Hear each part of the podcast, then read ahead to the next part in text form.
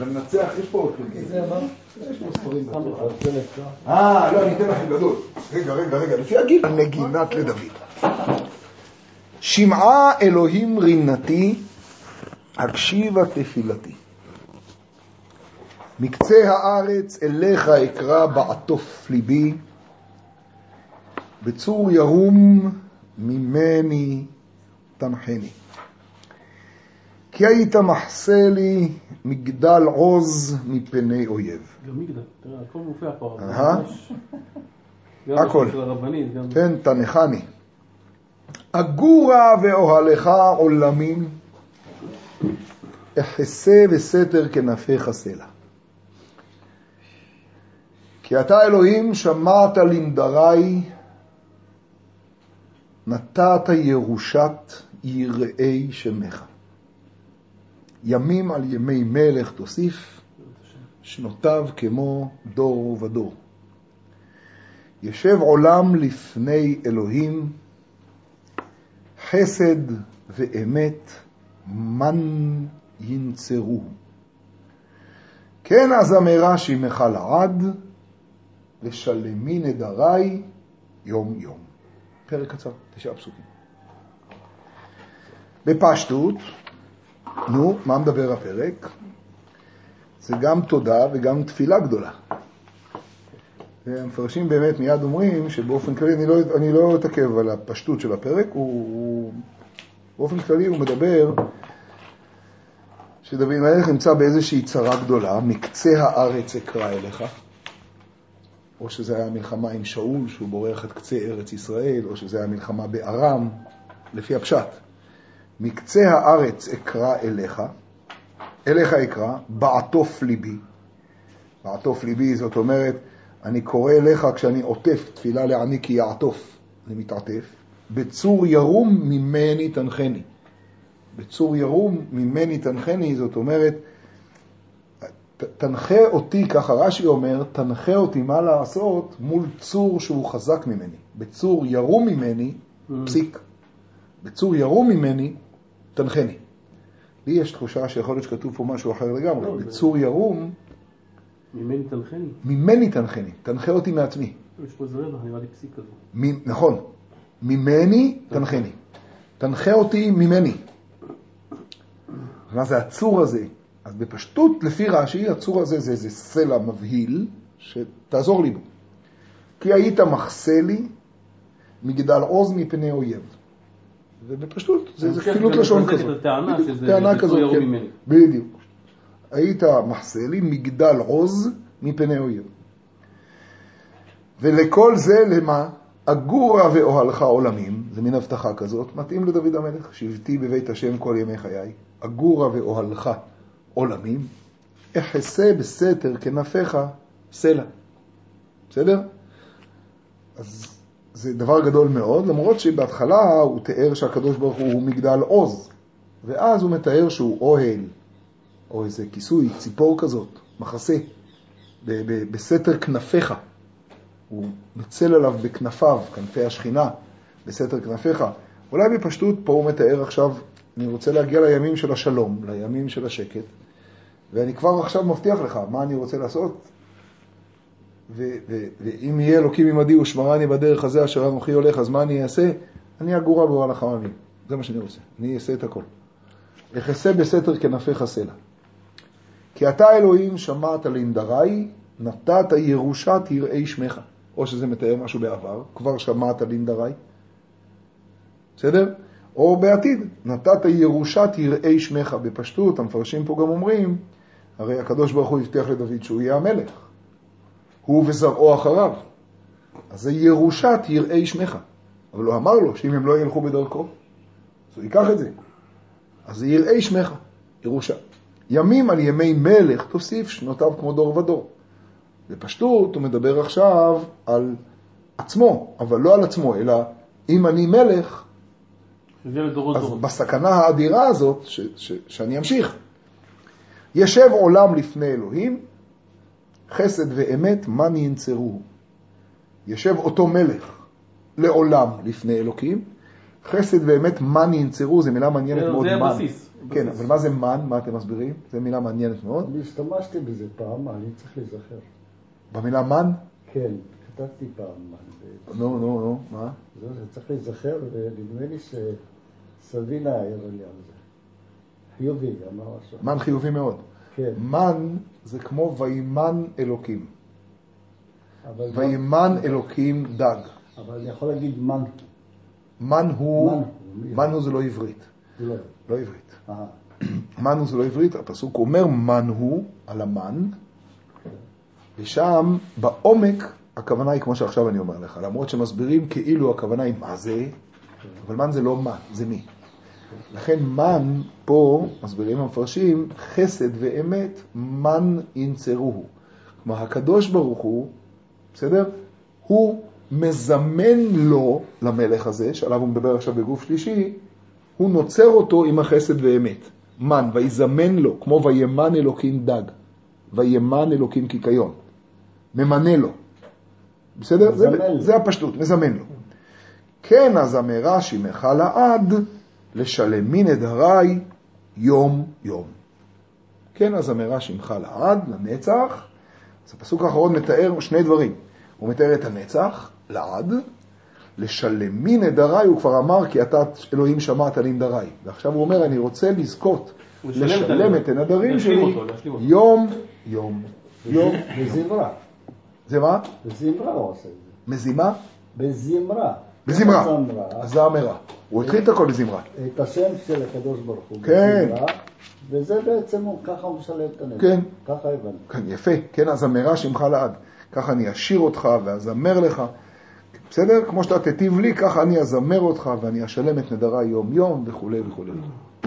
עד כאן הפרק, פרק קצר, יש בו באמצע יומים על ימי זה הכל מצוין, יפה מאוד.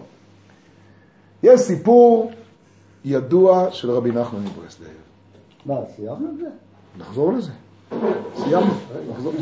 הסיפור קראנו את כנראה. יסביר את הפרק. קראנו את הפרק. יש לי שהיד שלי במפתח, כאילו. אה, נו, אתה רוצה להגיד משהו על הפרק? מצוין. הדבר היחיד שעלה לי זה, אסוציאציה מאוד מאוד סמויה. כן, יש פה סדר, שבלי הסדר הזה אנחנו לא נבין את הפרק. מה? אדרבה? אני לא, עוד לא מזהה אותו. התחושה, מי תחושה אה. אומרת לי, שיש פה סדר מסוים שהוא לא התניה. הוא לא התניה. הוא משהו אחר שאני צריך להבין אותו. לא אני, כולנו כמובן. כן. יש פה איזה סדר מסוים. גם המושג אה, אה, על נגינות לדוד, אני מבין שהוא מבקש, אני מבין שהוא מבקש הצלה, והוא מבקש לחיות כל ימיו ולהצליח לעבוד את השם ולשלם נדריו יום יום. אבל מה זה המושג הזה, ימים על ימי מלך תוסיף, זה דבר שבאמת צריך לתת עליו את הדעת. אז זה מה שהתכוונתי אתה מלכתחילה. חושב שתוסיף דור ודור, שהשנים שלי, כל שנה יהיה כמו דור, שכל יום, או כל שנה. זה כמו שנה? דור, ימים על ימי 25 מלך שנה. תוסיף, שנותיו כמו דור ודור. אז אתה מסביר את הסיפה עכשיו. זה שנותר כן. כמו דור אז בדור. זה התוסיף, זה לא שתוסיף עוד כן, שנים, זה לא אלא. שתעשה את השנים. שכל שנה יהיה כמו דור. כבודו. כלומר, זה לא תוספת מלא. זמן, אלא כן. הספק. אלא תוספת. אלא. מלא, תמלא את זה כמו מאיפה דור בא- אז שיש. מאיפה בא הביטוי תוספת? תוספת ימים. תוסיף שנותיו. מעניין, בוא נמשיך, הלאה.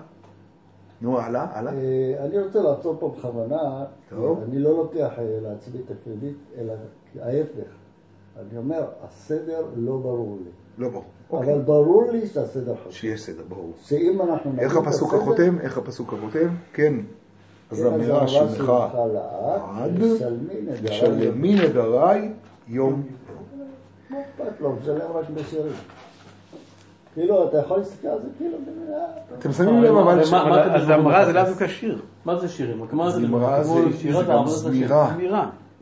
גם. מה כתוב מחפש כסף, מחפש להביא לו כל יום אני עושה את עבודת הבירורים. הוא אומר, הוא אומר, אז אמירה שמך לעד, עמוק מאוד מה שהוא אומר. למה אז שהוא אמירה אומר זה גם מלשון? לזמר, לא לא. מלשון לזמור. לזמור זה כמו לא תזמור, זה לא לקצור. הוא אומר, זה, וזה עבודת הבירורים. הרי כשאני זומר, אני נותן לעץ לגדול. איך? על ידי שאני מזמר את הדברים הפחות טובים, או את הדברים שכבר מיושנים, ומגדל על ידי זה, זמירה היא לא תמיד שאני מוציא דברים שליליים.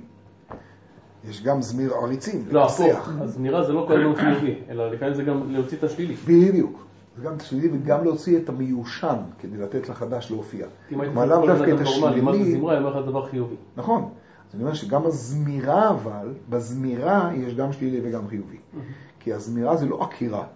הזמירה זה גם לקצץ קצת את העץ כדי שהוא יקבל כוח לגדול.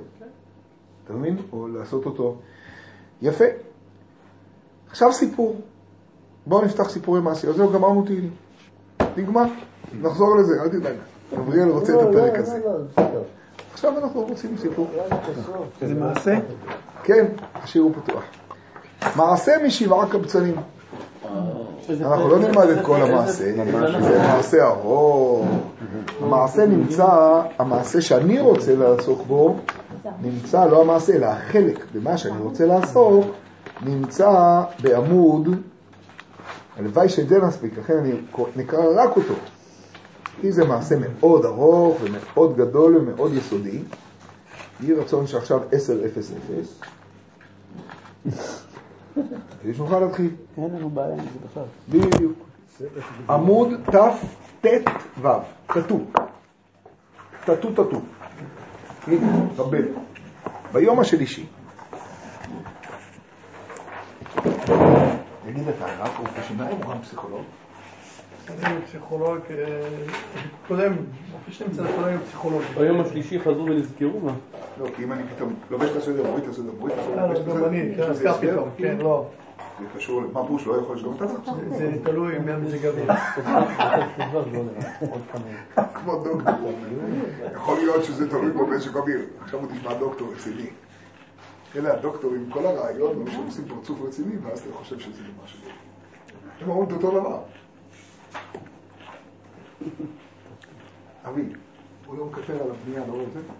לא, אתה רוצה את זה. מקטר? קדימה. אני אספר לכם את הסיפור, בסדר? אתם מכירים את המעשה משבעה קבצנים, אבי? דניס. אני עושה גם פרסום, הבן שלך מגיע ביום. כן, אני יודע. אז אני רוצה פרסום, אפשר לקרוא לחברים. עכשיו לא לעשות פרסום, אחרי זה תעשה עוד שעה. כן, אתם שומעים? תקשיבו. עוד שעה, הרב? אנחנו לא ודאי שלא, עוד שעה אני אתן לו הפסקה שלוש דקות. אה, אוקיי. אני מפסיק. אני חושב שזה הקליניקה שלו פה, פה זה הקליניקה שלי. אתם שומעים את הסיפור, רבינו, שליטה. מעשה משבעה קבצנים הוא המעשה הבא. הרב, איך זה מתחיל? ביום השלישי יכול להיות? ביום השלישי. אוקיי. אבל לפני שאני אתחיל ביום השלישי, אני רוצה לספר לכם את הסיפור, כדי שנבין על מה מדובר. זה מעשה נכון? אה, כן, תט"ו. אז המעשה משבעה קבצנים הוא המעשה הבא. הכותרת שלו היא, אספר לכם איך היו שמחים. כל הרעיון שלו זה להגיע בעולם לשמחה בסוף. וזה אולי המעשה המופלא ביותר מבחינת המעשים, אם מותר בכלל להגיד ככה, הוא לא מסתיים בסיפור של היום השביעי. בקבצן השביעי רבנו לא סיפר עוד איך זה יהיה, כוונה שם כמובן המשיח, כן, הוא ישלים את זה. זה הוא ישלים את סימן. זה, המשיח ישלים את זה, אבל אני אספר לכם את הסיפור. הסיפור הוא סיפור מרתק, ואולי זה גם הקדמה ככה לזה שרוני, גבריאל, מיכל, אנחנו צריכים איזה פעם בשבוע לפחות להתחיל ללמוד סיפורי מעשיות קצת, זה לא, זה לא רציני פה העסק, חייבים אה, להתחזק בעניין. בכל אופן, אתם שומעים? המייסה הוא כזה, אה, לא חשוב כל כך ההתחלה, אבל אני אספר לכם מהיר מאוד את ההתחלה. בהתחלה מדובר במלך, אני מדלג על כל הסיפור בקצב שלו, מדובר במלך שבא אל בנו ואמר לו שהוא רוצה לתת לו את המלוכה בחייו. והוא עשה מסיבה גדולה וסעודה גדולה וכולם באו. ובתוך הסעודה הזאת הוא אמר לו, אני רואה בכוכבים שיום יבוא ואתה תיפול מהמלוכה. ואני אומר לך שאתה חייב תמיד להיות בשמחה. תיזהר שלא יהיה לך עצבות. אם יהיה לך עצבות, זה לא טוב. אם תהיה... רבי נחמן מספר את כל הסיפור. על מלך שמדבר עם הבן שלו. אם יהיה לך עצבות, זה לא טוב. אם אתה תהיה בשמחה, אתה תמשיך למשוך. ואז גם אני אהיה בשמחה.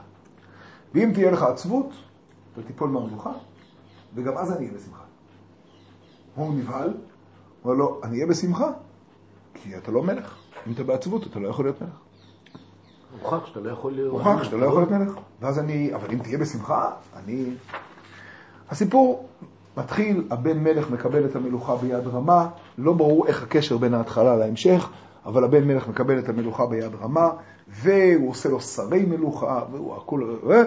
ולאט לאט המדינה הזאת הופכת להיות מדינה עם עשירות וחוכמה מדהימה.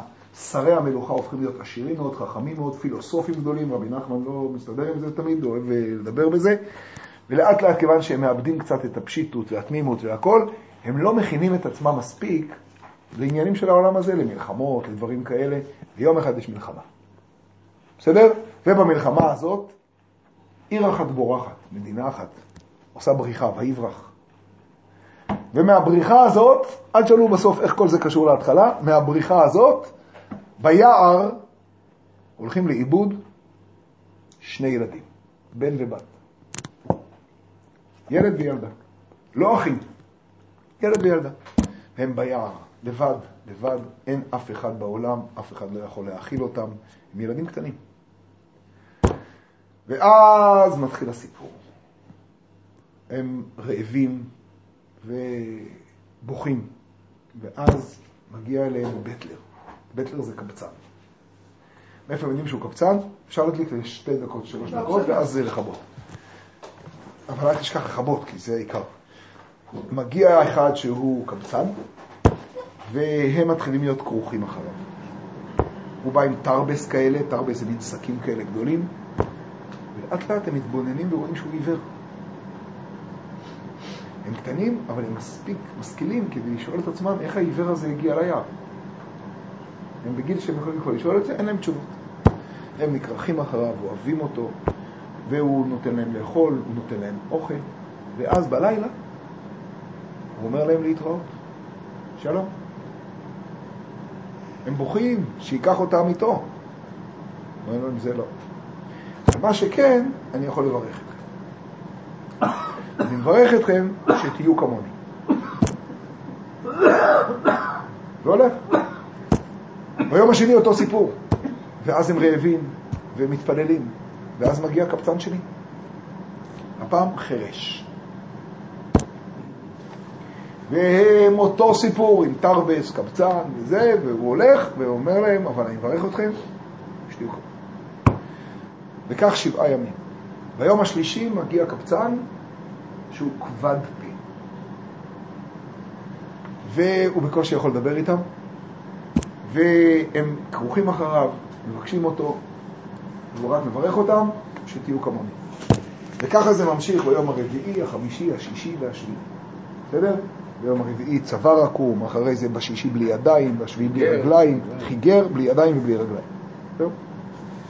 ואז, אחרי שבעה ימים ושבעה קמצנים, הם uh, מחליטים שזהו, אין ברירה, צריך להתחיל uh, להתפרנס לבד.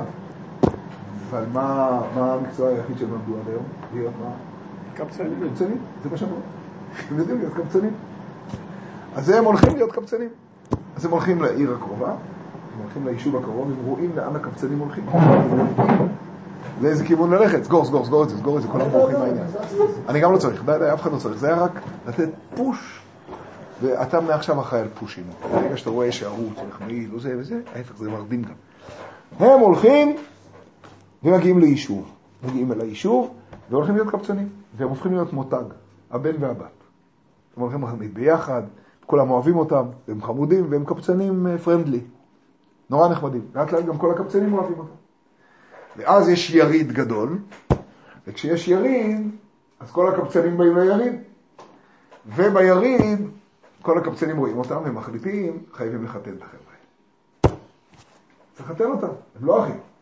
צריך לחתן אותם. ואז יש תיאור נפלא איך עושים את החתונה. הכל טוב, אבל בשביל חתונה צריך אה, כסף, קבצנים. מי, מי יעשה את החתונה? אז הם לוקחים בור גדול ושמים למעלה מעל הבור אה, סכך כזה, זבל, אה, סוגרים אותו בזבל, ומביאים אוכל. אז כל הקבצנים הולכים לכל החתונות ולכל זה, זה מביא קויליץ', זה מביא לחם, זה מביא זה, זה מביא זה, ועושים סעודה גדולה. מביא פיצות. ועושים סעודה. ובסעודה, פתאום בתוך השמחה האדירה של הסעודה הזאת, זה תיאור מדהים. זה שמחה שבעצם אין בה כלום. יש בה זבל בגג, כולם קבצנים, אף אחד לא... שאריות. מה? חזונה של שאריות. הכל שאריות. שמור שארית ישראל. אף אחד כלום. ואז הם מתגעגעים ורוצים את הקבצן. לא, אין להם בית. הם מתגעגעים לקבצן העיוור. זה שבזכותו הם חיים. זה של היום הראשון. והם מתגעגעים ומתגעגעים, ומרוב געגוע הוא מגיע. ואז הוא אומר להם שהוא הביא להם מתנה. ועכשיו יש שבעה סיפורים. כל סיפור זה סיפור בפני עצמו. המתנה שלו זה שאתם זוכרים שכשהייתם ביער בירכתי אתכם שתהיו כמוני, עכשיו באתי לתת לכם במתנה גמורה להיות כמוני. עכשיו זה מתנה. טוב, אתם. עכשיו, לא, עכשיו הוא מתאר להם מה זה להיות העיוור הזה. והוא אומר להם, אתם חושבים שאני עיוור כי אני לא רואה? אתם יודעים מה זה העיוור שלי? והוא מספר להם סיפור מעשייה. כל סיפור זה מעשייה בפני עצמה. אבל כל אחת זה מעשייה. בסדר? הוא מספר להם מעשייה שלמה. נגמרת המעשייה, ונהיית שמחה עצומה, והתרגשות אדירה, והוא אומר להם, את כל זה אני נותן לכם במתנה, שתהיו כמוני. ביום השני ממשיכה השמחה, שבע ברוכס. ממשיכה השמחה, השמחה אדירה, ואז הם מתגעגעים וקוראים ומחכים, מתגעגעים לקבצן החירש. הוא מגיע. אותו דבר, הוא נותן להם דרשה ומספר להם סיפור. זה מספר להם ספינות ועל וזה, וכל סיפור זה יצירה. זה יצירת מופת. ואז מגיע היום השלישי, ואת היום השלישי נראה בעמוד תט"ו ביחד. אתם שואלים מה זה קשור, גם לפרשת וישלח קצת, ובעיקר לפרק שלמדתי. עוד מעט, זה לאט לאט, מי אמר שצריך להיות קשור בכלל? ביום השלישי, איך הוא אמר, עכשיו שנינו לא יודעים מה אני רוצה מהחיים שלי. מה זה משנה איך זה קשור, איך זה לא קשור. ביום השלישי חזרו ונזכרו הזוג הזה, והיו בוכים ומתגעגעים. יש לכם? לא. ביום השלישי? תט"ו. אני לא אמרתי לו, זה לא אני שאמרתי לו. כן. ט"ז. ביום השלישי חזרו ונזכרו הזוג הזה, והיו בוכים ומתגעגעים. איך לוקחים בכאן את הבטלר השלישי שהיה כבד פה. בתוך כך, זה דבר מדהים, הרצונות, הכיסופים של האדם, גורמים לזה שזה יתרחש. בתוך כך, והנה הוא בא. ויאמר, הנני. הוא בא, ויאמר, הנני. ונפל עליהם ונשק אותם ואמר להם גם כן כנ"ל.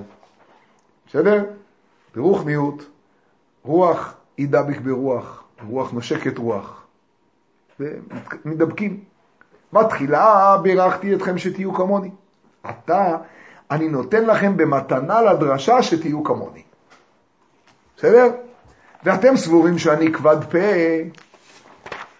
אין אני כבד פה כלל. דרך אגב, בברסלב יש שני מנהגים ידועים, חשובים מאוד. אחד קשור לסוכות והשני לשבע ברכות. חתן וכלה בשבע ברכות כל יום, זה המעשייה של אותו יום, הקבצן.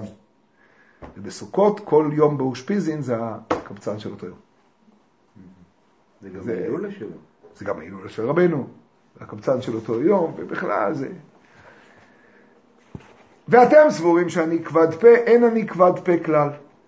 רק, עכשיו הכל מתחיל, שהדיבורים של העולם, אני כבר אומר לכם ב- ב- ברמז, בסוגריים, כבר אני אומר לכם עכשיו בסוגריים, שרבי נתן, אתם תראו את זה עוד מעט יחד איתי, זה מופיע בסוף הסיפור, שרבי נתן אומר בשם רבנו, מפיו הגדול והנורא, אומר מפורש ממנו, שכל הסיפור של הכבד פה זה פרק ס"א.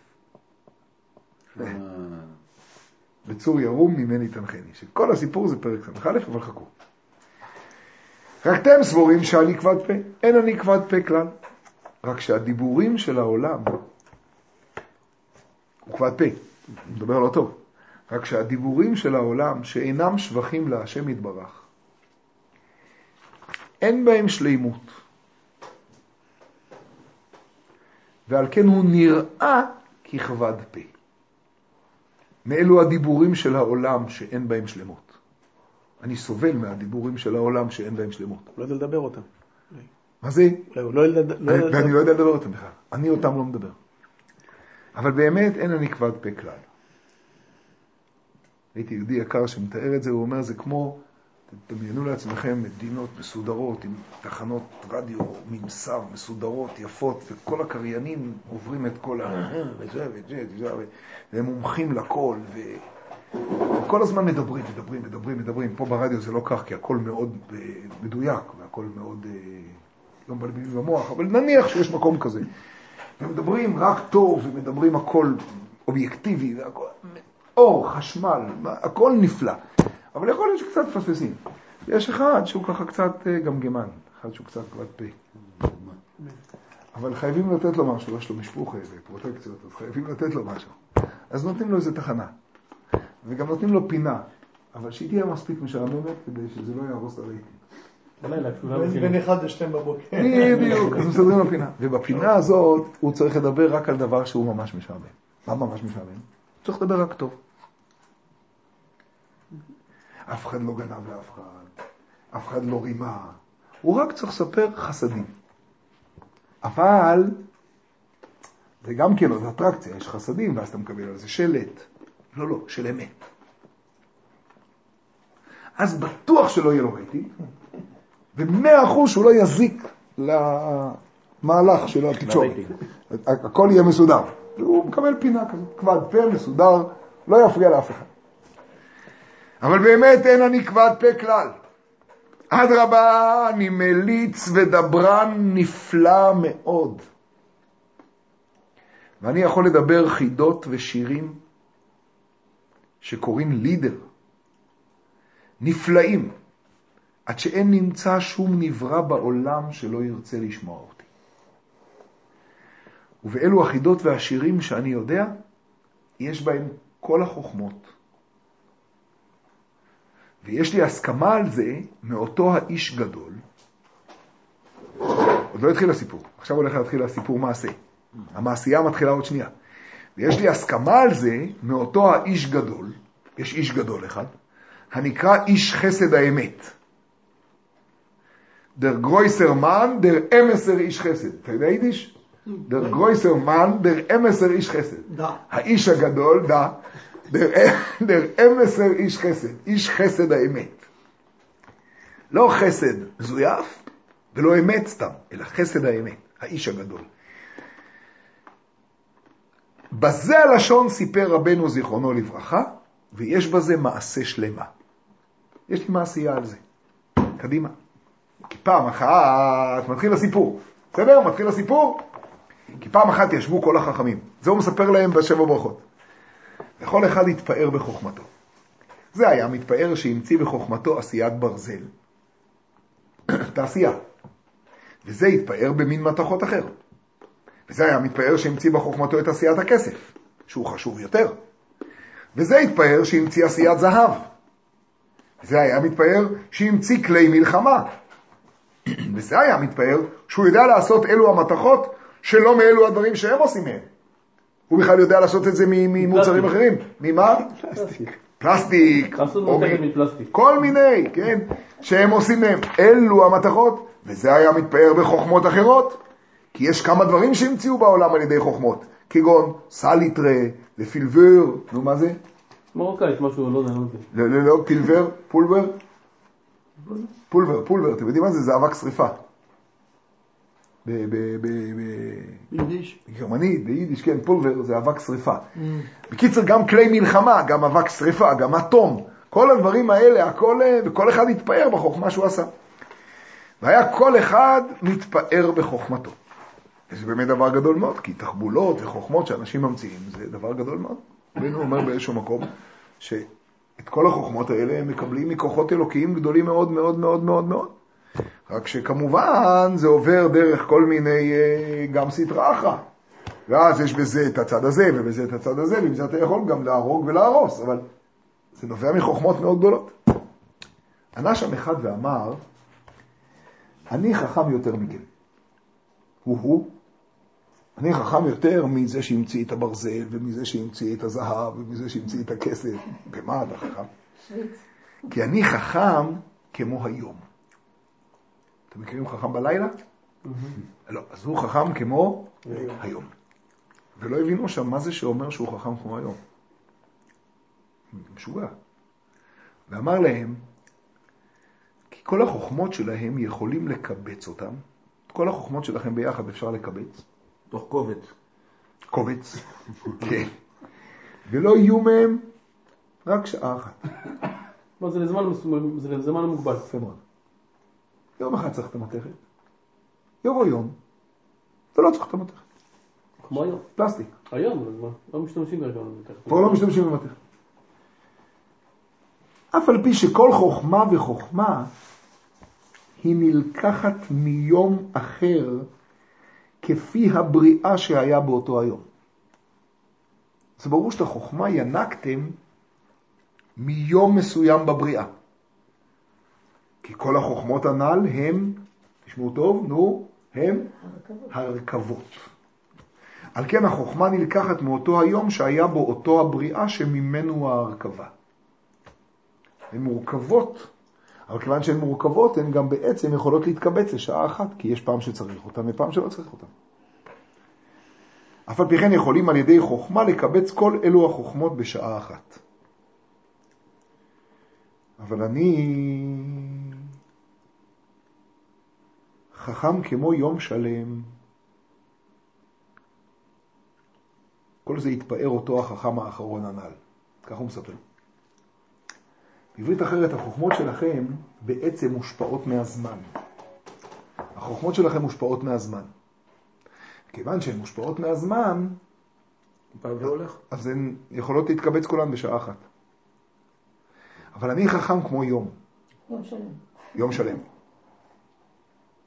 כלומר, יש משהו שהוא רוחני יותר, הוא כל היום כולו, הוא יום שלם. עניתי ואמרתי אליו, מי אומר את זה? מי אומר עניתי. ואמרתי? הבטלר, הקבצן, עקבת פה. עניתי ואמרתי אליו, היינו, זה עקבת פה הנעל אמר לחכם הנעל, כמו איזה יום. כמו איזה יום?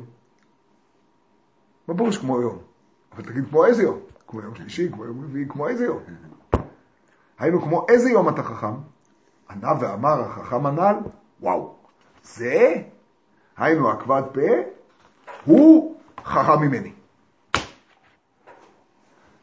מאחר ששואל כמו איזה יום, זאת אומרת שהוא מבין למה הכוונה של היום. הוא מבין למה התכוונתי, והוא חכם ממני. אבל כמו איזה יום שתרצו אני חכם.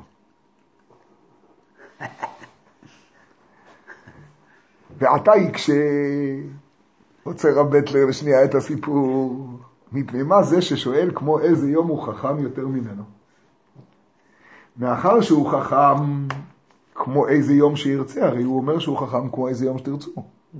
אז למה עדיין עקבת פה יותר חכם? רק בגלל שהוא שאל כמו איזה יום. הרי הוא חכם כמו איזה יום שתרצו. הרי יש מעשה שלמה. כאן מתחיל רבנו ואומר, רגע, רגע, רגע, עכשיו יש עוד סיפור. עכשיו הסיפור מתחיל. זה סיפור בתוך סיפור בתוך סיפור בתוך סיפור. כי זה האיש, חסד האמת, עכשיו מתחיל הסיפור הכי יפה בעולם. תשמע, רב דניס, תקשיב, זה...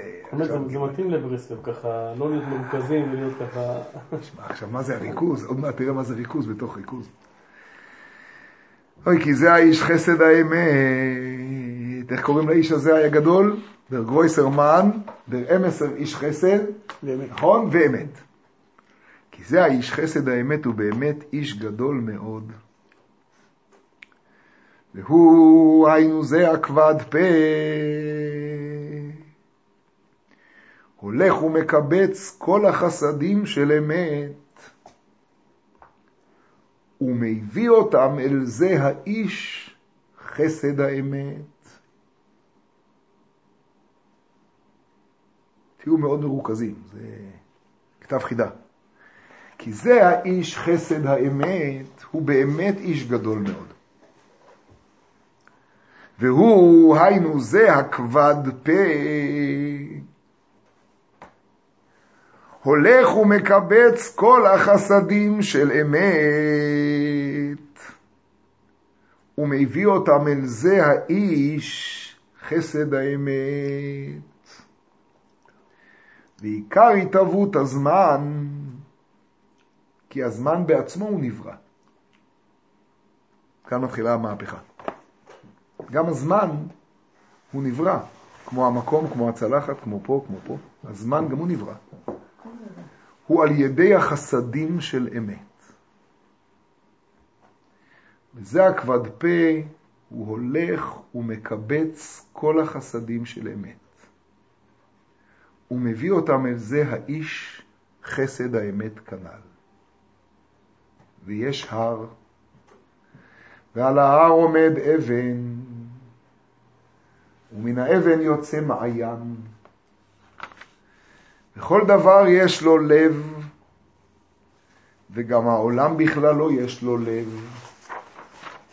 וזה הלב של העולם, הוא קומה שלמה עם פנים וידיים ורגליים וכולי. אבל הציפורן של הרגל של אותו הלב של העולם הוא מלובב, בלשון אשכנז הרציקר, הוא לבבי, הוא מלובב.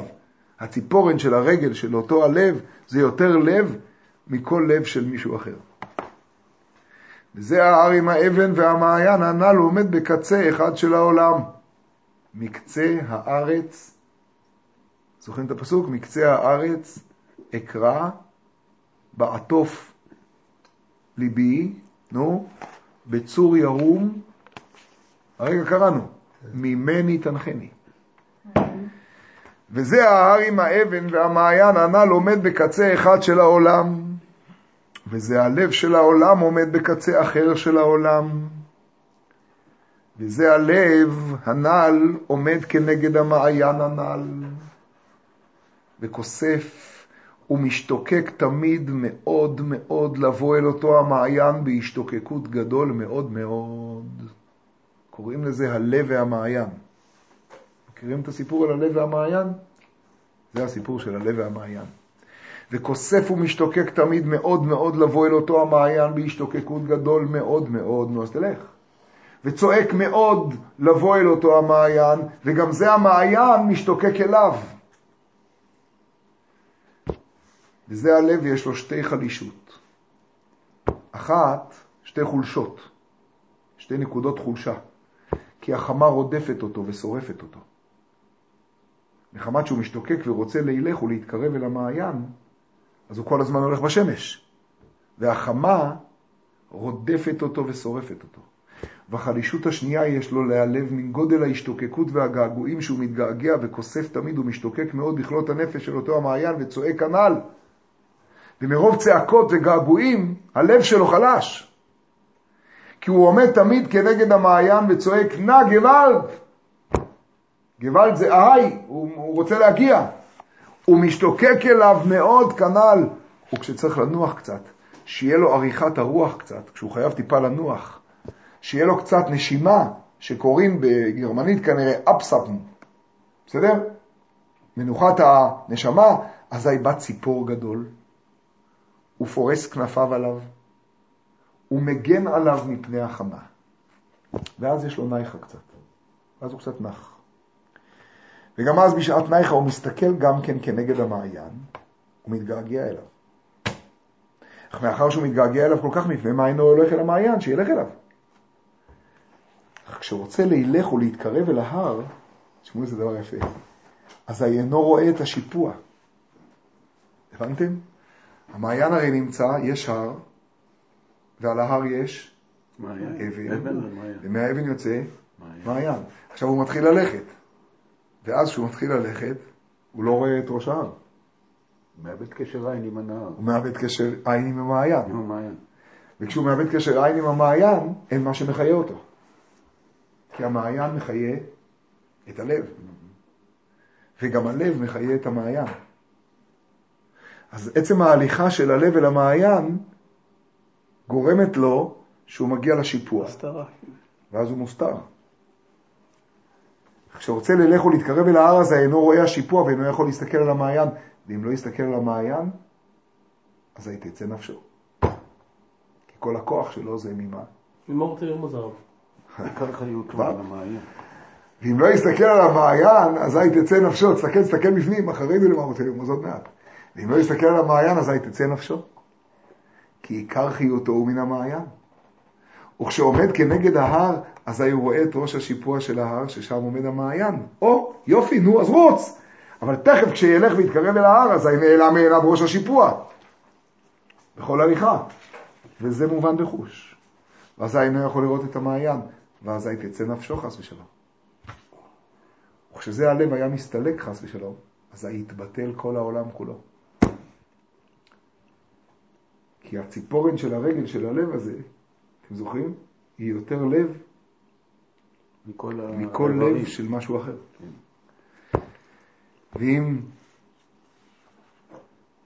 תצא נפשו חס ושלום, וכשזה הלב היה מסתלק חס ושלום, אז יתבטל כל העולם כולו, כי הלב הוא החיות של כל דבר. ובוודאי אין קיום בלא לב. ועל כן אינו יכול ללך אל המעיין, רק עומד כנגדו, הוא עומד כנגד המעיין ומתגעגע וצועק, כנ"ל. וזה המעיין, תראו, תראו, תראו, תראו, תראו את האותיות בפנים. בינתיים הכל כתב חידה אחד גדול, גדול, גדול, גדול, גדול. וזה המעיין, אין לו זמן. יש לכם? יש לך? זה מתחיל שם פסקה. וזה המעיין, אין לו זמן. אין לו זמן. כל הסיפור פה מסביב לזמן. כי זה המעיין אינו בתוך הזמן כלל. המעיין הזה הוא בכלל לא בתוך הזמן. אך עיקר הזמן של המעיין, אז מאיפה למעיין יש זמן? מה פירוש יש זמן? אז איך אפשר לדבר איתו פה? אך עיקר הזמן של המעיין הוא רק מה שהלב נותן לו במתנה יום אחד. הלב נותן למעיין הזה במתנה יום. זוכרים את הכבד פה? הוא חכם כמו יום, והוא חכם, והוא לא יודע כמו איזה יום? חכו. וכשמגיע היום להיות נגמר ונפסק, בדמדומי חמה, והיום נגמר ונפסק, זה משהו לא ייאמן. בעצם, אתם יודעים מה זה היום שנגמר ונפסק אצל רבנו? העולם נגמר. ואם הזמן נברא, אז הוא כל יום נברא מחדש. זה, כל זה, יום יש לך עליות, ירידות, כל. ובעצם יש אינסוף, שלא תפספס את היום. שלא תפספס את היום. ואם פספסת את זה, עכשיו אם אתה מבין מה זה היום, אם אתה מבין שהכל חדש, אז אתה מבין שאפשר להתחיל מחדש, ואתה מבין שיש תקנה ויש סיכוי ויש הכל, ואין, ואין שום דבר שיכול להפריע לך. ולכן הלב כל הזמן כוסף למעיין. כל עוד הנר דולק תמיד אפשר לתקן. כן, אבל זה לא נר, זה לב, במעיין, תקשיב. וכל הזמן הלב כוסף אל המעיין, תשמעי טוב. וכשמגיע היום להיות נגמר ונפסק, ואזי כשיוגמר היום לא יהיה זמן למעיין ויסתלק חס ושלום.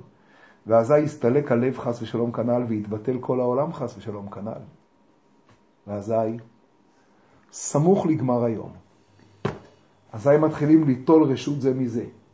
מי נותנים רשות זה מזה? הלב והמעיין. שקוראים גזעי גינן. גזעי גינן זה כנראה אה, אה, מחוות, היפרדות כזאת, להיפרד. ומתחילים לומר חידות ושירים שקוראים לידר נפלאים זה לזה באהבה רבה והשתוקקות גדול מאוד מאוד. והנה סוף הסיפור הזה. וזה האיש חסד האמת הנ"ל, זה האיש חסד האמת, כך מספר הכבד פה. יש לו השגחה על זה. הוא משגיח על זה. הוא אחראי שהאסון הזה, שחס ושלום משהו פה ייגמר, לא יתרחש, ושכל פעם זה יתחדש. וזה האיש חסד האמת הנ"ל, יש לו השגחה על זה. וכשמגיע היום בסופו ממש להיות נגמר ונפסק, אזי זה האיש חסד האמת, הוא נותן במתנה יום אחד ללב הנ"ל, והלב נותן היום למעיין. כלומר, האיש חסד האמת נותן, נו, יום למי? ללב. ללב. האיש חסד האמת נותן יום ללב, והלב נותן למעיין. והלב נותן למעיין. ומאיפה יש לאיש חסד האמת את היום הזה? מי נתן לאיש חסד האמת את היום הזה? מאיפה יש לאיש חסד האמת את היום הזה? מעיין, לא? מהכבד פה. אה. כי הכבד פה מה מקבץ? את כל החסד האמת. הוא הקבצן. והוא מקבץ חסדים של אמת קטנים.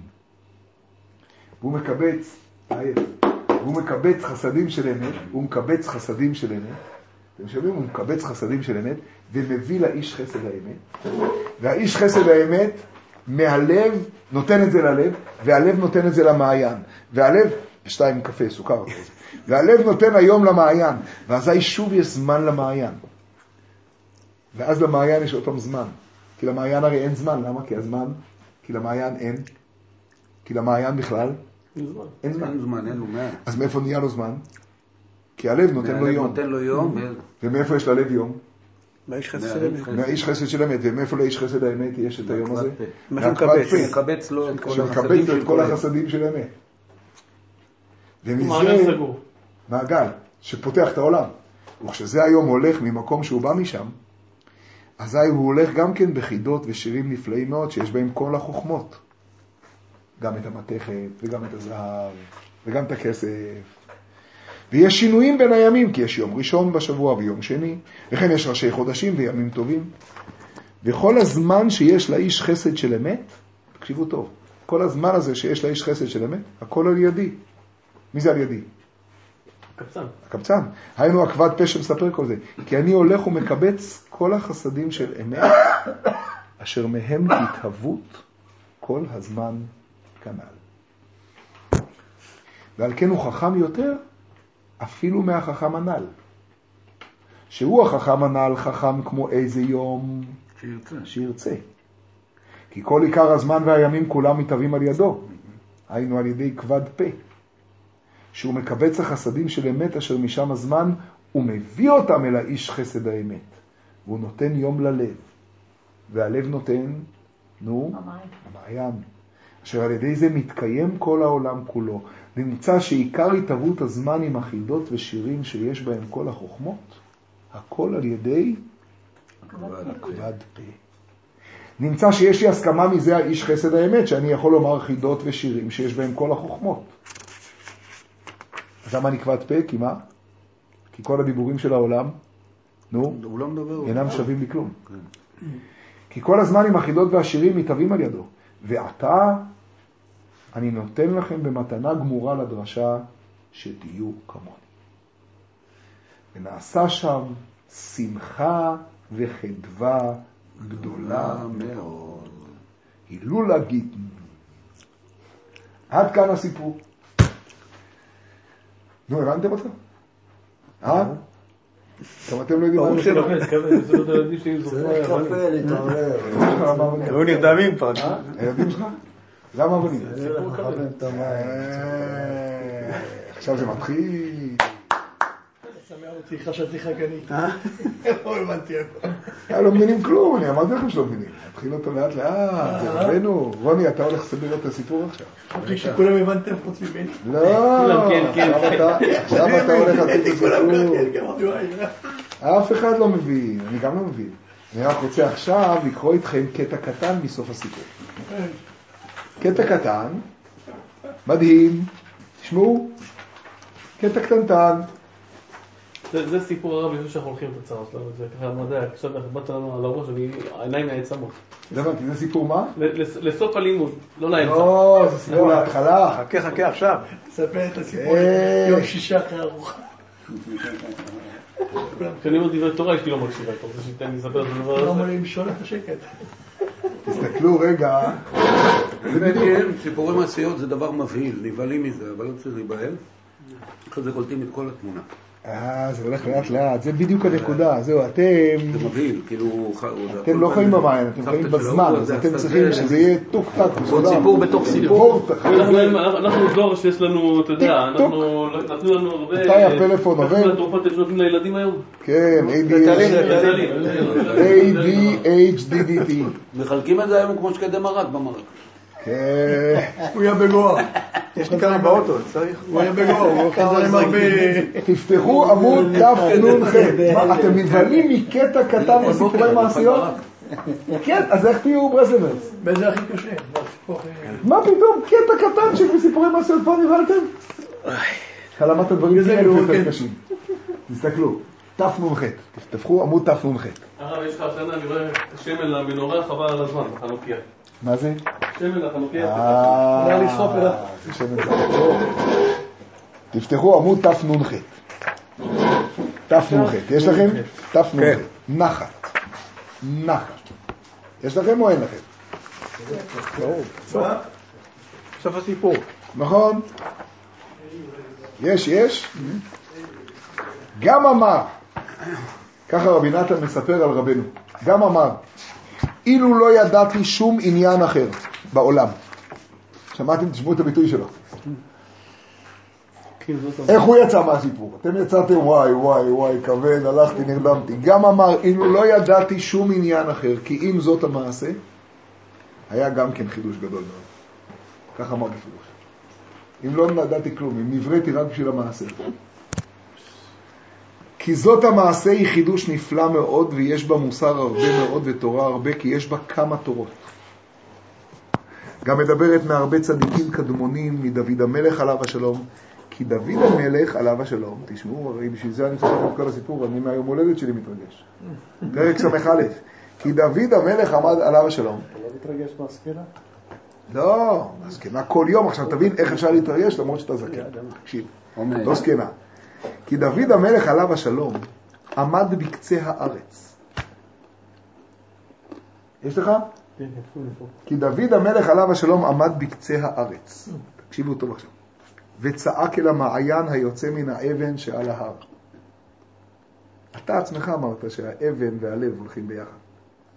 מה זה, אבן השתייה? על מה מדבר? וצעק, לא יודע, אתם כבר רצים מהר, שנייה, עוד דקה. וצעק אל המעיין היוצא מן העבר שעל ההר כנזכר לאל, כמו שכתוב, מקצה הארץ אליך אקרא בעטוף ליבי, בצור ירום ממני תנחני.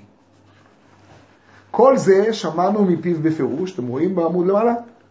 והמובן מדבריו כי דוד המלך עליו השלום הוא בחינת לב כמובן.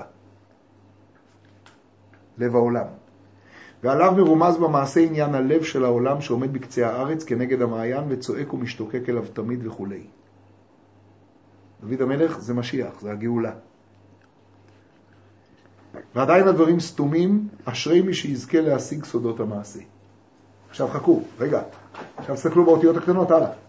עניין דוד המלך והמקרא הנ"ל מקצה הארץ, שמרומז במעשה זה, שייך ליום שלישי, כי שם מדבר מעניין הלב והמעיין. עיין שם ותראה נפלאות, איך בכל עניין מרומז דברים נפלאים. ובגדולת נוראות מעשה זו אי אפשר לדבר כלל, כי היא עולה על כולם. לכן אני לא הולך לדבר על זה, אני רק אמרתי לכם אני הולך. אשרי, אשרי מי שזכה אפילו בעולם הבא לדבר בה קצת קצת. ומי שיש לו מוח בקודקודו, תסמר סערת בשרו ויבין קצת גדולת הבורא יתברך וגדולת הצדיקים האמיתיים, כשיסתכל היטב במעשה נוראה הזאת, אשר לא יישמע כזאת. תשמעו מה, איך הוא מחזיק בסיפור הזה, זה לא ייאמן. עד- עדיין הרב זה נשמע לי כמו סיפור, בגדי המלך החדשים, שאתה אומר, לגמרי. כולם כן, כן, לא כן. הבנתי כלום וכולם עושים כן. כן, להסביר לנו קצת משהו. בום, חכה. עניין פסוק, קודם כל אני יורד עליכם, ואז. עניין פסוק, תקשיבו עכשיו למה זה הכל הפרק שלנו. עניין פסוק מקצה הארץ הנ"ל, ששייך למעשה של יום ג' כנ"ל, זה שמעתי מפורש מפיו הקדוש והנורא ז"ל. זה שהפסוק הזה שייך לפרק ס"א, זה לא הברקה שלי, אומר רבי נתן, זה שמעתי ממנו. אלא שמעתי ממנו שהכל נמצא בפרק הזה. זה פרק שהם אומרים בגיל 60. עוד ראה זה מצאתי אחר כך. נחזור שנה הבאה נראה לי. למה? נבין את זה יותר טוב. כן, חכה, אני הולך... אני עד שנה הבאה עכשיו ממשיך את זה, זה רצוף, חכה. עוד ראה זה מצאתי אחר כך, שרוב דברי הקפיטל תהילים שכתוב שם זה הפסוק, שהוא קפיטל ס"א, פרק. רובו ככולו מבואר שם רמזי סודות נשגבות של המעשה של יום ג' הנ"ל. בקיצור, אתם יודעים מה כתוב פה עכשיו? אני אתן לכם לאט לאט פירוש למעשה. זה פעם יחידה כמעט שרבי נחמן עצמו בא ואומר, אני אגיד לכם איפה זה הכל. אני יודע איזה כתב חידה. בעולם הבא הלוואי שנבין קצת קצת. ימים על ימי מלך תוסיף וכולי. ימים על ימי מלך תוסיף לים, שרים את זה כל היום כמו אה, גורילות. אבל מה הפשט? ימים על ימי מלך תוסיף וכולי. כי הוא צריך תמיד שיוסיפו לו ימים על ימיו וכולי וכנ"ל. לא מה שאתם מכרתם לי, שיהיה תוכן לימים, הוא צריך שיוסיפו ימים על הימים. תוסיף, תוסיף זה תוסיף. מה זאת אומרת? מה זאת אומרת? או, מה זאת אומרת? רגע. חסד ואמת, מה ננצרו? מיד מיד אני אגיע, אני רק רוצה לגמור קודם כל את השורות, נשמה. חסד ואמת, מה ננצרו? זהו איש חסד האמת. חסד ואמת, מה ננצרו? חסד ואמת, מה ננצרו? מי נותן את החסד והאמת? מה ננצרו? מי נותן את זה? הקודש ברוך הוא, לא, החסד, מי זה איש חסד האמת? אני לא יודע, אבל יכול להיות מפה שזה הקודש ברוך הוא. הוא איש חסד האמת. והבטלר, שהוא הצדיק, הוא מה? אוסף. הוא כבד הפה שאוסף החסדים. את החסדים של האמת. עכשיו אני מתחיל. אתם יודעים ממי הוא אוסף אותם? כל אחד מאיתנו. ממך, ממך, ממך, ממני. והוא אוסף את החסדים של האמת. תקשיבו. עכשיו, שכל אחד עשה. יש מטרה לקבצן. זה הקבצן. הוא מקבל קבצן, הוא מקבץ. הוא מקבץ חסדים של אמת. אף אחד לא סופר אותו. לא ממנים אותו אפילו לשדרן ברדיו. הוא לא שווה כלום. אז עכשיו אנחנו שאנחנו רואים מישהו בצומת עומד, אנחנו צריכים שיש לזה משמעות. להיזהר מאוד. הוא לא שווה כלום, תקשיבו טוב, אל תתרגמו את זה מיד עכשיו, כי אתה עכשיו תעבור לצומת, הוא יעבור לזה, חכה. הוא לא שווה כלום, הקבצן הזה, הוא רק מקבץ חסדים של אמת. ואתם יודעים מה הוא עושה עם החסדים של האמת האלה? עוד שנייה. דקה. והוא נותן ומוסיף בכל פעם, אה, אה, אה, רק שנייה, אה, וחסד אין פעמים זהו, זהו איש חסד האמת וכולי, דר גרויסר מן, דר אמסר איש חסד. כי כל הזמן והימים נעשה על ידי האיש גדול שהוא איש חסד האמת, כנזכר לאל שם במעשה הנ"ל. והוא נותן ומוסיף בכל פעם ימים על ימי מלך שהוא הלב הנ"ל. הסיפור מתחיל עם מלך ובן מלך, שהבן מלך מתחיל למלוך. אתם יודעים מי זה הלב? אתם יודעים מי הלב של העולם? עם ישראל. ואתם יודעים מה עוסק הסיפור הזה בכלל? למה הזמן בעצם לא נגמר פעם, כמו כל חומר אחר? גם הזמן נגמר. הזמן נגמר ואז ימות העולם? לא, תמיד נוצר זמן חדש. איך? בואו נשאל את זה שאלה אחרת. זו כמעט שאלה פיזיקלית, אבל אני מעלה אותה לגבהים אחרים לגמרי. מה נותן לזמן את האינסופיות שלו? מה נותן לזמן את הנצח? עם ישראל. הנצח זה המעיין. אין למעיין זמן, אתם זוכרים? יש הר. ועל ההר יש אבן. הר סיני, אבן, לוחות הברית. ומהלב יוצא מעיין. למעיין אין זמן, כי התורה זה הקדוש ברוך הוא עצמו. והלב לא יכול לחיות בלי המעיין. יכול להיות שהלב נמצא בקצה הארץ, בגואה. יכול להיות שהוא נמצא במקום הכי רחוק שיש. ומקצה הארץ הוא קורא, אה, גוואלד! והוא רוצה להגיע למעיין. אבל יש לו שתי חולשות. אחת, החמה. מה זה החמה? הזמן. השמש, תחת השמש. התאוות, החום, העולם, הגשמיות. וכל פעם כשהוא מתחיל ללכת עם המון רצון טוב לכיוון המעיין, נשרף. נשרף. אבל יש לו עוד חולשה, שהמעיין יוצא מההר. הוא מתחיל ללכת. אז הוא מגיע לשיפוע. ואז הוא לא מקבל חיות. ואז המעיין בוכה, כי המעיין צריך את הלב. מי צריך את מי יותר? לא, בסדר, אני זקוק. מי את מי? המעיין הוא הנצח. והלב הוא הזמן. והלב נותן מתנה למעיין יום. והמעיין נותן ללב מתנה, נצח. וכל יום בסוף היום גזעים גנן. הם נפרדים אחד מהשני. וסוגרים את החנות, ובעצם העולם נגמר. אם הייתי קם בבוקר ומבין שמודה אני לפניך, פירושו שהכל נברא מחדש. היה פרידה, הנצח והזמן נפגשו, ובפגישה ביניהם העולם נגמר, והם התפללו שנתראה מחר שוב. אז מה נותן... בואו, בואו, בואו, בוא, אני אומר, תחזור על הכל מההתחלה, אבל תסתכלו רגע, תסתכלו, תסתכלו, זה לא ייאמן, שנייה. איפה אנחנו? והוא נותן בכל פעם, דר גרויסר מן, דר אמסר איש חסד, כי כל הזמן והימים נעשה על ידי איש גדול שהוא איש חסד האמת, כנזכר לאל, והוא נותן ומוסיף בכל פעם ימים על ימי מלך, שהוא הלב הנ"ל.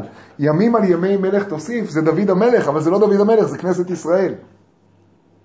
ימים על ימי מלך תוסיף. הוא שורש, דוד. כן, שורש. ימים על ימי מלך תוסיף, תוסיף ימים על ימי המלך. כי בעצם אם הייתי מצליח לקלוט, אם הייתי מצליח לקלוט שהזמן, אני אומר לכם, זה אחת, לדעתי זו החידה של העולם המודרני בעיקר. העולם המודרני משוכנע שהוא פתר את. בעיות הזמן. למה? כי לפני מאה שנה, אם היית צריך לכבס, ירדת לנהר. עכשיו יש לך מכונת כביסה. חסכת בזמן. כאילו, יש לך זמן. יש לך המון זמן, ואז אתה יכול גם לעשות מיקסר, ואז יש לך פיצה, ואז יש לך הכל, ואז אתה בעצם מנהל את הזמן. אז למה כולם מתאבדים? הרי אתה ניהלת את הזמן, הזמן שלך. מה קרה? והאדם לא תופס שבעצם האסון של העולם זה שאתה באמת חושב שטיים is money. שאתה יכול לשלוט עליו. ואתה מבין בכלל שהזמן הוא קדוש? אני הולך להגיד לכם משפט מאוד מוזר, תשמע. אז מה זה החסד באמת בעצם? זה הפעולות באמת. מה זה החסדים של אמת של עקבת פה? זה החסדים של אמת. זה אלה שאתה לא יכול לעשות מהם תקשורת, ולא יכול לדבר עליהם, כי כל הדיבורים האלה הם שקרים. ועקבת פה סובל מהדיבורים. דברו, דברו, דברו. ולכן הוא קבצן שהולך ליער. כבר לא ספור מזמן. ועקבת פה הזה פוגש את הבן והבת, ובא אליהם ביום השלישי. אגב, לי אין ספק בכלל, אחרי שקראתי את הסיפור הזה קצת עוד פעם, ופעם המיליון בערך, אני לא מבין אותו. אבל אני אומר לכם, כמו שהחיטוב אמר, בואו לא נבין ביחד. שזה השיחה בין המלאך לבין יעקב. שלחני כי עלה השחר. אני אחראי על היום, יש לי שירה. והלב, יעקב, הלב, הלב אומר לו, אתה לא הולך לשום מקום. יש ביטוי בחז"ל, ויאבק איש עמו עד עלות השחר. תשמע, ויאבק איש עמו עד עלות השחר, ויאבק, מה זה ויאבק? אבק, ראשון מה זה? נאבקים. אבק. אבק. אבק. רש"י אומר שויאבק, שני אנשים שנאבקים מעלים אבק.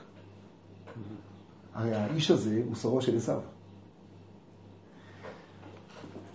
מתחת כיסא הכבוד זה רבי נחמן, תקשיבו.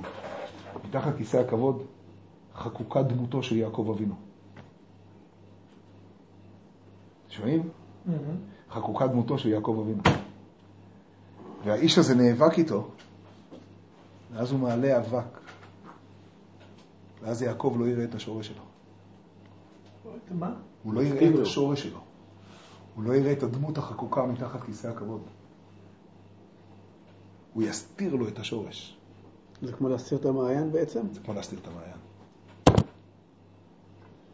הוא יסתיר לו את השורש שלו, ואז לא יהיה לו כוח לנצח. הוא לא יהיה נצחי. הוא נאבק איתו ואומר לו, אדוני, לכל חומר יש אה, סיום. אז אם הזמן הוא נברא, אם הזמן הוא נברא, למה אין לו סיום? למה אין לו סיום? ונציה הסתיימה, הבנתי. או שעוד יש. שוקעת. הגיעו לגגות. גם פריז יום אחד תראה, רק מהר צריך לקחת את מי שצריך לפני. נוטרדם כבר נסתיים. נכון? חומר מסתיים. כל חומר מסתיים. אז למה הזמן לא מסתיים? מה מחיה אותו? זה דבר פלאי. כתוב, בלי שום קונוטציה, על אלה ש... אני לא מתכוון לאף אחד, אבל כתוב שכשרבי עקיבא היה נותן שיעור והיו מתנמנמים, לא קשור לכלום, סתם. כשרבי עקיבא היה נותן שיעור והיו מתנמנמים, לא, ככה פתאום. אז סתם קפץ לי, אבל תקשיבו נורא, אני צריך כתוב שכשרבי עקיבא היה נותן שיעור והיו מתנמנמים, תשמעו, סיפור מדהים. לא, זה שפת אמת אדיר, זה בשביל זה. הרי אני, אני עושה, זה עשיתי תרגיל, אני מתחנן כל הזמן מדניס, תעשה כאילו אתה מתנמנם ויש לי הברקה. כתוב שרבי עקיבא היה לא, נותן לא באמת עייף. הוא לא, אבל די, ההצגה חזקה מדי. כתוב ש... כתוב, נראית אמיתית. אה, כתוב שרבי עקיבא היה נותן שיעור. הייתי כבר בשיעור. כן? והחבר'ה היו מתנמנמים, זה סיפור יפהפה. אז רבי עקיבא היה אומר להם משהו להעיר אותם. מה הוא היה אומר להם להעיר אותם? מה הוא היה אומר להם להעיר אותם? אתם יודעים? נו, אתה יודע, רוני, מה הוא היה אומר להם להעיר אותם? מילתא דבדיחותא, לא מה? מילתא דבדיחותא, מה הוא אמר להם? הביא פיצה, מה הוא אמר להם? הוא אמר להם משהו שמצחיק כזה. מה? הוא אמר להם, למה זכתה אסתר למלוך על 127 מדינות? בגלל ששרה חיה 100 שנה ו-20 שנה ו-7 שנים. מה הקשר? מה, כי הנה התעוררת. וזה- זה וזה ההסבר בדיחה. הרגיל. תראו, אף פעם לא רשמתי שזה בדיחה, תראו, הנה, לא מצליחים להתערב. קראתי אותה. ככה כתוב. מסביר השפת אמת, נו, אז ואם זה לא היה כזה מצחיק עכשיו בגלל שעשינו את ההצגה טוב, אז מה זה באמת מצחיק? שואל השפת אמת, אומר השפת אמת, דבר לא ייאמן, תחזיקו טוב. אני לא נעים לי להגיד את זה, כי אני חתיכת לא משנה מה. כשת- אני אומר את זה בשביל שתתפללו עליי. אומר השפת אמת, גוואלד, מדינה ועוד מדינה. אם אני אומר לך, תגיד לי, בואו נצא ככה לאיזה טיול לחו"ל, לפראג. בגוח. רגע, ואתה אומר לי, עזוב פראג, גואה. ואני אומר לך, בשביל מה לגואה? בפראג כבר הייתי. אז מה אתה חושב שאני? לא נעים בקול, אבל עייף. עייף. או, זה רופא שדן לכף זכות. עייף. נכון? למה? כי מה הקשר בכלל? זה נוף אחר, זה זמן אחר, זה מציאות אחרת, זה לא נראה אותו דבר. אבל אם אני אומר לך, שמע, תקשיבו, זה חזק. אה, לא נצליח לעשות את זה ביום שני, נעשה את זה ביום שלישי. הזמן הוא לא חשוב, המקום הוא... דבר. מה ההבדל בין יום שני ליום שלישי? מי אמר שיש זמן? ומה ההבדל בין יום שלישי ליום רביעי? טיימי לעשות שעה, שלוש שנים. כל ענייננו זה איך מבלים את הזמן, כמו שמבלים מעליים. בלאי.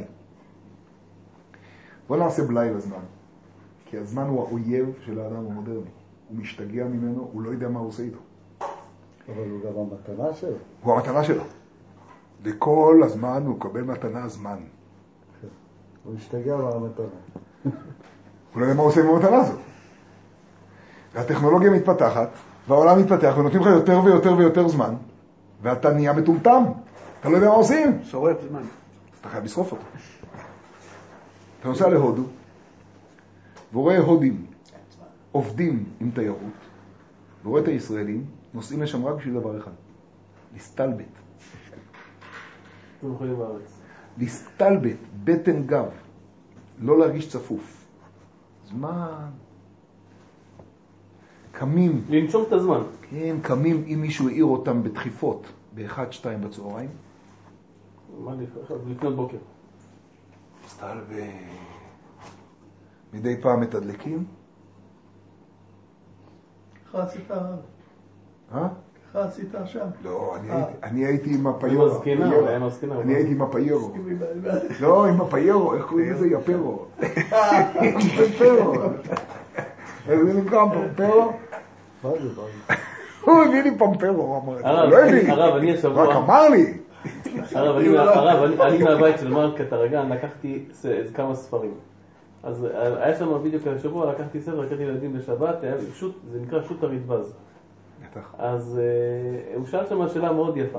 שאל שם, עכשיו היה איזה מישהו בתוך, בתוך מעצר, שאותו אה, שליט אמר לו, תקשיב, אני משחרר אותך יום אחד בשנה לחופש, תבחר לך את היום. אז הוא שאל את הרדב"ז, איזה יום אני צריך לבחור? יום כיפור, יום שבת, איזה, איזה, איזה יום אני אבחר? הוא נתן לי יום אחד חופש. אז אה, סתם, שאלתי את הילדים, איזה יום אחד היית בוחר? אז אחד אמר לי, יום כיפור, אחד איזה יום הולדת מה שלי. הריבז אומר לו? אז הוא אומר לו, לא, לא דוחים, תבחר היום, יפה מאוד. לא דוחים את המחר, לא, לא, לא דוחים. זו התשובה שהוא נתן לו. לו כל מיני, מפרשים, אבל משהו מאוד יפה. אמר לו, אל תדחה, ברגע שיש לך יום, תיקח אותו עכשיו. יודעים לא מה אומר. רבנו בליקוטי מוהר"ן? תקשיבו מה אומר רבנו בליקוטי מוהר"ן. הוא אומר לזמן, אומר, זמן מנצלים במשהו כזה, כל מיני דברים, אבל הוא מדבר על הזמן. אבל זה היה השאלה היפה שעשיתי עם הילדים, שסתם, מה היית בוחר? יפה מאוד. היום אם בקולו תשמעו. היום? אם בקולו תשמעו. זה כלל גדול בעבודת השם. שלא ישים לנגד עיניו, הנה, אתה רוצה דבר תורה קצר לילדים? יש לך עכשיו. היום אם בקולו תשמעו זה כלל גדול בעבודת השם. שלא ישים לנגד עיניו כי אם אותו היום. אין מחר. הן בעסק הפרנסה והצטרכותו, צריך שלא יחשוב מיום לחברו. מה נחיה את היום. כמובן בספרים. וכן בעבודתו יתברך, לא ישים לנגד עיניו, כי אם אותו היום ואותו השעה. אני כן מצוות, היום עזוב אותי. כן. מישהו פעם אמר לי, תשמע רוני, מישהו פעם אמר לי, אתה יודע מה זה דף יומי? מישהו פעם אמר לי, אתה יודע מה זה ללמוד דף יומי? אני לומד דף יומי, מחר אולי אני לא אהיה. זה דף יומי. אני היום לומד דף יומי. זהו. תחזיקו טוב. כי כשרוצים להיכנס בעבודת השם, נדמה לאדם כאילו הוא מסע כבד, ואי אפשר לו להישא מסע כבד כזאת. איך אני אחזיק את זה? וואי, וואי, וואי, וואי. איך אני אחזיק מעמד בכזה מסע כבד? אבל כשיחשוב שאין לו... אתם שומעים? אתם שומעים? רוני, אתה שומע כל הזמן, נכון? כי אם את היום הזה, או. הרב רוני, שניים סוכר אם אפשר. אני מביא את הסוכר לשם, כל אחד יסכן לעצמו כמה שהוא. הלב והמעיין, תביא את המעיין ואנחנו ניקח את הלב. אבל כשיחשוב שאין לו רק אותו היום, אתה תראה דניס, אל תישבר, אנחנו- אתה עוד תעביר שיעור על הלב והמעיין הזה, חכה עוד מעט, חכה. אתה עוד תכתוב על זה שיר, אתה תראה לאן אתה תגיע עם הלב והמעיין. אנחנו נרקוד עם הלב והמעיין, אני אומר לך. תקשיבו, הלאה. אבל כשיחשוב שאין לו רק אותו היום, זה לא יפה, ככה מדברים דתיים? ככה אומר הרב?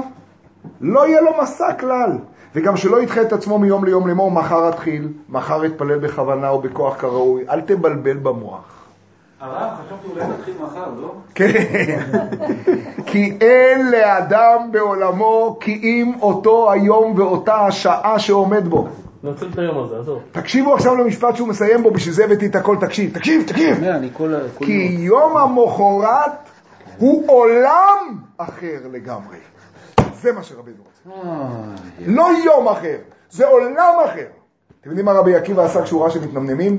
הוא אמר, תגידו לי, למה אנחנו מתנמנמים בעולם? כי הזמן מעייף אותנו. אז הוא אומר, תגיד, כשאתה עובר ממדינה למדינה, אתה מתנמנם או שאתה מצלם את הנוף החדש? בין מדינה למדינה, אתה רואה את ההבדל? אז למה אתה לא רואה את ההבדל בין היום למחר? איזה זה? איזה? תורה ערב. שהוא רוצה עוד סוכר? היום אם בקולו תשמעו, איך הוא מבין את הפסוק? תורה דבר זה נקשר עם מה שלמדתי בשבת עם הילדים, תראה איזה עולם. תראה מה זה, זה בדיוק. שו"ת הרדב"ז. היום אם בקולו תשמעו, היום דייקה. מבין, האדמו"ר- אתם מבינים איך רבנו מבין את הפסוק? היום אם בקולו תשמעו, אתם רוצים לשמוע לו קדוש ברוך הוא? ת- ת- יש חטא היום, אין חטא מחר. אז מה הבדיחה של רבי עקיבא? אין חטא מחר, יש חטא היום. מה הבדיחה של רבי אז עקיבא? מה רבי עקיבא אמר בבדיחה שלו? אתה יודע מכוח מה לאסתר היה כוח לשלוט על 127 מדינות, ולא ליפול באחשוורוש, ולהיות עם אחשוורוש ולהיות אסתר. אתה יודע ממה? מזה שסבתא שלך הייתה 127 שנים כפול יום, והיא הבינה שלכל יום יש עולם. לכן היא לא התרגשה מהודו ופרס. זה לא כזו בדיחה. בכלל לא, זה רבי עקיבא. זה הבדיחות שלהם. זה הבדיחות של רבי עקיבא. חזק השפת אמת הזה או לא? אומר השפת אמת, הוא ראה את התלמידים מתנמנמים, אז הוא אמר, למה אנחנו מתנמנמים בעולם? למה אנחנו מתנמנמים בעולם? כי נבוא מחר. די, יאללה, לא. מעריכים את היום. אם הייתי יודע שהיום הזה זה מדינה, אז כשאני אשלוט על מדינה, אני לא אתבלבל בגלל ההודו בפרס. הרי בקלות אסתר הייתה יכולה ליפול בהודו בפרס. מדי, פרס, הודו, מה הבעיה? יש לה גם. שם פרסי. החיים הטובים. אז איך היא זוכרת כל הזמן את אסתר? כי היא קיבלה מסבתא שלה את מאה שנה ועשרים שנה ושבע שנים. שפת אמת. מבהיל, מבהיל. אני אומר לכם, אני יודע, אתם יודעים מה? גם הפציפיסט הכי גדול, השמאלני הכי גדול בעולם, מבין מה זה קדושת המקום. אני הולך להפליא אתכם. לדעתי זו אחת הבעיות שלנו בציונות הדתית. אנחנו יותר מדי מדברים על קדושת הארץ ופחות מדי על קדושת הזמן. אני רוצה להסביר מה אני מתכוון. אני האחרון שחושב שלא צריך לדבר על קדושת הארץ, כל היום צריך לדבר עליה. אבל זה לא בעיה, אני אסביר טוב. לך לפציפיסט הכי גדול בעולם. אם הוא לא מטומטם, סליחה על הביטויים, הוא לא ייתן שיחללו את קבר אביו. בסדר? הוא לא ייתן. גם אם הוא חושב שצריך לשרוף את הגופות. גם אם הוא מסטול על כל השכל. הוא לא ייתן שיחללו את הקבר של אבא שלו. טוב? זה מקום. זה, להשתמש בלעז, זה thing, זה דבר. Thinghood קוראים לזה באנגלית. זה, זה, זה דברים, זה חפצים. אבל את יום שני ואת יום רביעי ואת יום חמישי ואת שבת, מה הבעיה לחלל? זה סתם חלל. אתה לא מבין את המשמעות, בגלל זה אומר תבחר את זה שאתה רוצה. זה חלל שאתה מכניס בו מה שאתה רוצה. ערך היום הוא בסך הכל שאני מנצל את כוח השמש שנברא היום כדי לפתח תרכובת של ברזל. אני מנצל את הרקיע כדי לפתח תרכובת של אטום. בא אליהם האיש ההוא ואמר, אבל כולכם אפשר להכניס לשעה. כולכם ביחד נכנסים לשעה אחת. אומן, אבל אני חכם כמו יום. אני חכם כמו יום. אני היום עצמו, אני ההוויה, אני הבריאה. זה פלא פלאות, זה דבר מדהים. הזמן, ברגע שאני קולט בכלל את המושג הזה של היום, ברגע שאני קולט את מושג הזמן, אז, אז יש תשובה בעולם. אז אין ייאוש בעולם. זה שיש מקום קדוש עוד לא אומר לי לא להיות מיואש. זה שפיתחתי בציונות את ארץ ישראל זה מצוין. מצוין, ברוך הוא וברוך שמו. אבל זה מה שמסוכן. כי עכשיו אני לא מעריך את הארץ. זה מה שהביא את השמאל גם. נכון. אני עשיתי פה כיבוש, עכשיו אני רוצה להחזיר את זה. עכשיו אני רוצה את זה מפה עד פה. עכשיו אני רוצה את זה מפה עד פה. אתה תגיד לי מה לעשות. אתם יודעים למה אסתר שלטה על 127 מדינות? כי סבתא שלה חייתה 127 שנים. אז מה אתם מתנמנמים? יש לב, והלב איפה נמצא? הלב זה, הלב זה כנסת ישראל. הלב זה האין סוף פה בעולם. והלב הזה נראה כאילו הוא פועל עם זמן. וזה נכון, יש לו זמן. והוא נותן יום מתנה למעיין. כי התורה, זה חזק מאוד, תקשיבו טוב. התורה, הרב חרל"פ אמר פעם, הרב חרל"פ היורצייט שלו היה בזין בכסלו. יום לפני ה... שלוש שבע. אז לעילוי נשמתו, הרב חרל"פ אמר פעם דבר מדהים. הוא אמר שכשיהודי עולה לארץ ישראל, אז אומרים שהוא עושה עלייה לארץ ישראל. נכון? הוא עושה עלייה, he makes עלייה, גם בצרפתית אומרים את זה, נכון? הוא עושה עלייה, איך אומרים בצרפתית? הוא... כן, עושה עלייה. עושה עלייה. אז אומרים שהוא עושה עלייה. אז הרב חרל"פ היה אומר, אתם יודעים מה הפירוש שהוא עושה עלייה לארץ ישראל? כשיהודי בא לארץ ישראל, הוא עושה לארץ ישראל עלייה. נכון, כל אחד מוסיף. לארץ ישראל יש עלייה, כי יהודי בא. תראה איך היא נראתה לפני שהיהודי היה בה. מה היא הייתה פה אלפיים שנה? הוא עושה לארץ ישראל עלייה. אתם יודעים מה זה עלייה לתורה שיהודי עולה? יהודי מקצה הארץ. הוא עושה עלייה לתורה. עכשיו, בארץ ישראל אני מבין, כי מה היה בארץ ישראל לפני שהיהודי הזה בא אליה? האדמה צעקה, אני רוצה את הילדים שלי. ומה היה לתורה לפני שהיהודי הזה בא אליה? לא היה לה זמן. היה לה רק מעיין. והוא בא ונתן לה יום. הוא בא וחיבר את הנצח והיום והם שרו ביחד. גזעינגן. וכשהם שרים ביחד אחד לשני, זה חידות שאי אפשר לתאר בכלל. כי הנצח והיום שרים.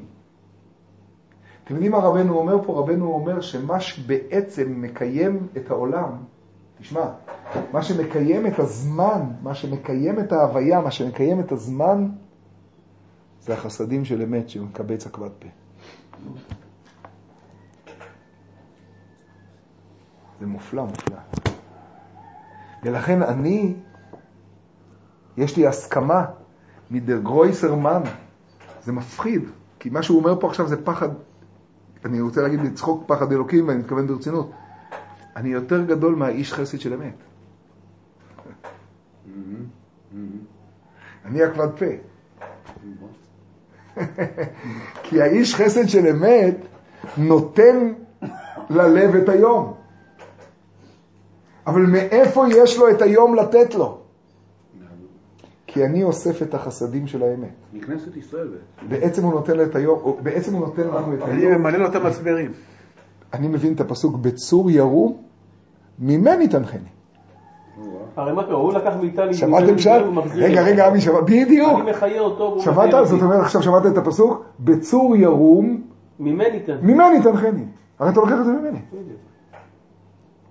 אתה נתת לי, אתה מנחה אותי ממני. ואתה מנחה אותי ממני. זה פה אצלי כל הכל. ההנחיה שלך היא... אתה מנחה אותי ממני. ימים על ימי מלך תוסיף, שנותיו כמו דור ודור. מדובר פה על דור, שנה ויום. ימים על ימי מלך תוסיף. לכל יום יש עולם אחר לגמרי. מי המלך פה? זה מלכו של עולם. זה, זה מלכו של עולם? לא, עכשיו זה בן המלך. הרי אתה עשית את בן המלך מלך. דוד המלך. ימים על ימי מלך, תוסיף ימים למלך, לבן המלך. הרי אתה אומר לו שאתה רוצה שהוא יהיה מלך. עכשיו אני פתאום מבין את הקשר לתחילת הסיפור. למה בן המלך בעצבות? כי הוא לא מולך. אז הוא אני- יורד מהמלוכה שלו. לא יורד מהמלוכה. כן. אז אני שמח שאתה לא מולך, כי אתה בעצבות. כשתחזור להיות בשמחה, תמלוך. אה, ממילא. ממילא. עכשיו צריך להתחיל את הסיפור הזה מההתחלה, 50 אלף פעם. אם בקולו, תשמע. תשמע. אה, אתה מבין אבל את ההתחלה של הסיפור? זה לא יאמן. לא- נו, נו, מה, מה, אם בקולו, כן. אם בקולו תשמעו, ואני אחבר את העניין הזה בצור ממני, המילה ממני. אז אני צריך לשמוע את הקול שלו בתוכי. כמה? כן, נכון. עכשיו, לגבי הנקודה הזו, אפשר לחבר את זה גם